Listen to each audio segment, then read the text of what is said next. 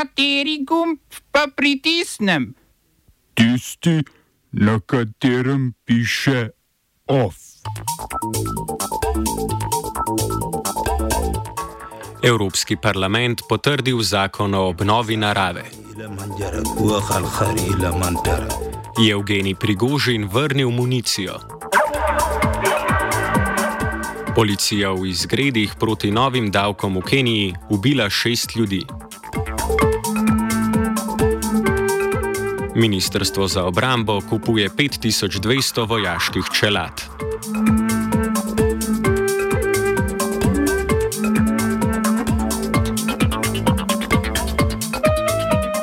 Švedsko vrhovno sodišče je blokiralo izročitev dveh turških državljanov Turčiji, saj po besedah sodišča dejanja, ki naj bi jih zagrešila, na švedskem niso kriminalizirana.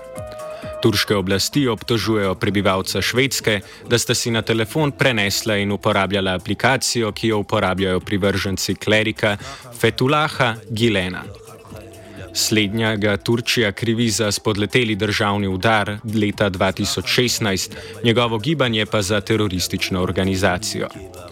Švedsko vrhovno sodišče je odločilo, da uporaba mobilne aplikacije sama po sebi ne pomeni sodelovanja v teroristični organizaciji ali pri terorističnih dejavnostih. Turčija je lani blokirala vstop Švedske v NATO z obtožbo, da Švedska nudi zatočišče teroristom. Švedska je, da bi zadostila turškim pogojem, sprejela novo protiteroristično zakonodajo in začela Turčiji izročati in tudi sama zapirati politične begunce iz Turčije, ki jih turške oblasti obtožujejo terorizma.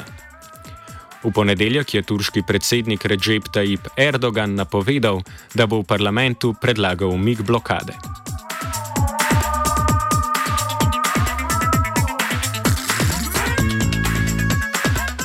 V kenijski prestolnici Nairobi in drugih večjih mestih po državi že drugič v manj kot tednu dni protestirajo proti povišanju davkov.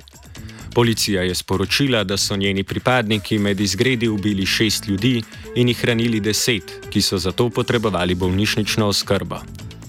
Vlada predsednika Viljama Ruta je konec prejšnjega meseca podvojila davek na gorivo in uvedla dajatev za financiranje javnih stanovanj, kljub temu, da je vrhovno sodišče implementacijo sprememb zakonodaje zadržalo. Vodja opozicije Rajla Odinga je v odziv na dvig davkov pozval k državljanski nepokorščini in nadaljevanju protestov proti vladi. Dun, dun.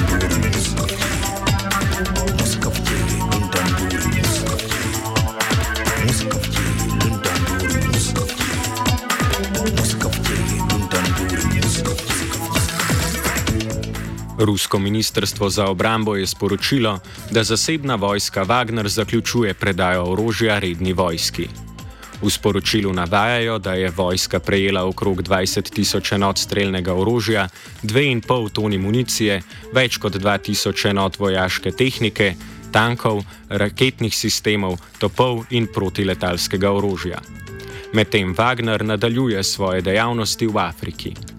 Po poročanju hongkonškega časopisa South China Morning Post so v začetku meseca pripadniki Wagnerja izvedli evakuacijo kitajskih rudarjev iz rudnika blizu mesta Bambari v Srednje Afriški republiki pred napadom lokalnih upornikov. Zasebna vojska Wagner se je pred dvema tednoma uprla ruskemu ministrstvu za obrambo in izvedla pohod proti Moskvi, a se je ustavila okrog 200 km pred Moskvo, potem ko je beloruski predsednik Aleksandr Lukašenko dosegel dogovor z vodjo Wagnerja Evgenijem Prigožinom. Podrobnosti dogovora nobena od strani ni uradno razkrila. Del spora med ruskim obrambnim ministrstvom in zasebno vojsko Wagner pred uporom je bila predvidena vključitev njegovih pripadnikov v redno vojsko in predajo orožja, kar je sedaj izvedeno, ampak le na ukrajinskem bojišču.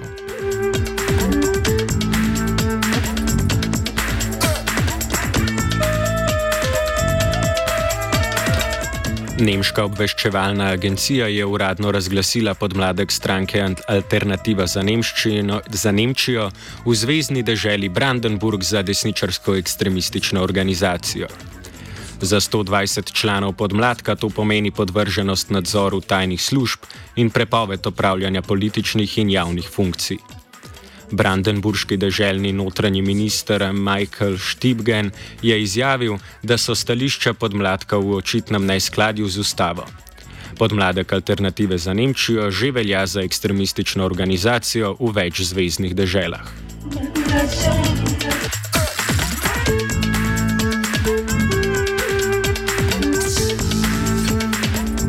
Zdravstveni delavci v Združenem kraljestvu ponovno stavkajo za 35 odstotno zvišanje plač, kar, za kar se stavke v javno zdravstvenem sistemu vrstijo že 8 mesecev. V britanskem zdravniškem združenju trdijo, da so se zaradi inflacije njihove plače v 15 letih efektivno znižale za 26 odstotkov. Tokratni stavki se pridružujejo mladi zdravniki, specializirani zdravniki, medicinski tehniki in reševalci. Mladi zdravniki bodo stavkali pet dni, kar je najdaljša zdravniška stavka v zgodovini Združenega kraljestva.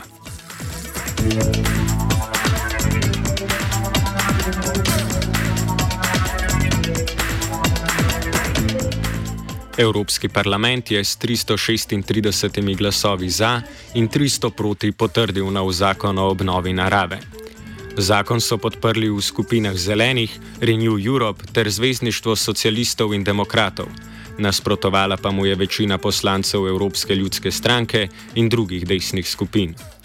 Zakon mora potrditi še okoljski odbor Evropskega parlamenta, na kar parlament za dokončno sprejetje zakona stopi v pogajanja z državami članicami.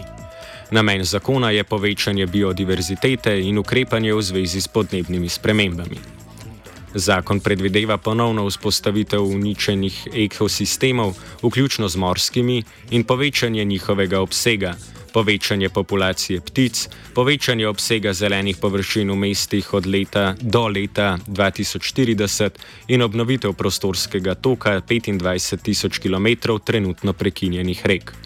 Prvotni predlog sta odbora Evropskega parlamenta za ribolov in kmetijstvo zavrnila. Okrnjeni zakon, ki je bil potrjen zdaj, ne predvideva obnove in diverzitifikacije agrikulturnih ekosistemov, kar bi vključevalo zmanjšanje uporabe pesticidov in povečanje populacije opraševalcev. Implementacija pa je zadržana, dokler ne bo sprejeta ocena evropske prehranske varnosti. Zakon komentira poslanec Evropskega parlamenta iz poslanske skupine naprednega zvezdništva socialistov in demokratov Milan Brgles.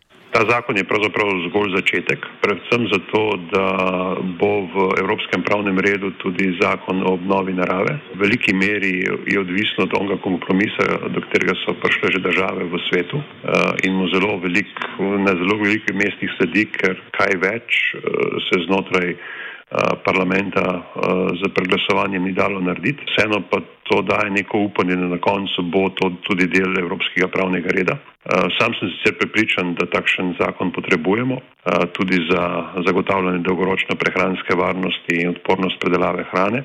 In je v bistvu vsako nagajanje glede tega vprašanja, ki se je dogajalo tudi v parlamentu, pravzaprav osnovano na zavajanju in v bistvu gre za neodgovorno prenašanje bremena na prihodne generacije. Zdaj, treba se zavedati takšnih zadev, kot je kako dezertifikacija obdelovalnih površin drastično narašča, da je 50% predelka ogroženega zaradi upada opraševalcev, 30 odstotkov podzemnih voda, eh, ki v veliki meri predstavljajo tudi vir naše pitne vode, pa je nesnaženih. Torej, mi moramo nekaj narediti eh, na tem področju, da to naredimo.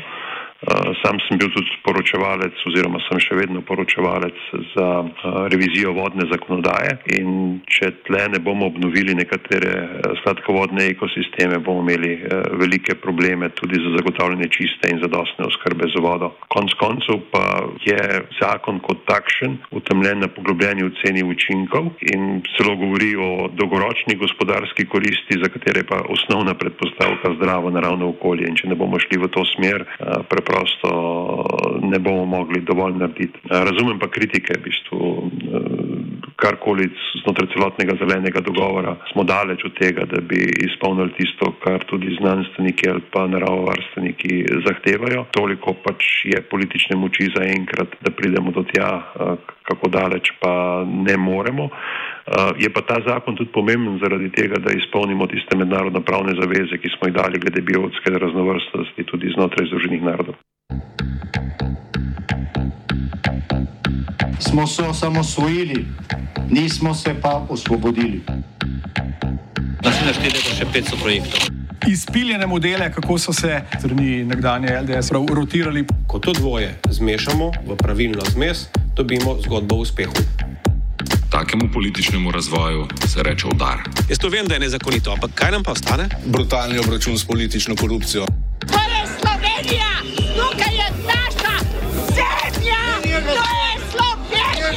Slovenija, Slovenija, Slovenija. Ministrstvo za obrambo je objavilo odločitev za nakup 5200 vojaških čelad za več kot 2 milijona evrov. Odločitev so na Ministrstvu za slovensko tiskovno agencijo pojasnili s potekom življenjske dobe obstoječih čelad. Čelade kupujajo pri hrvaškem proizvajalcu Šeštan Bush. Slovensko podjetje Group 22 je dalo ponudbo za milijon in pol evrov, vendar jo je ministrstvo zavrnilo z obrazložitvijo, da so njihove čelade tehnično neustrezne. Nove čelade bodo predvidoma dobavljene do leta 2025, stare čelade pa bodo predali v strateško rezervo.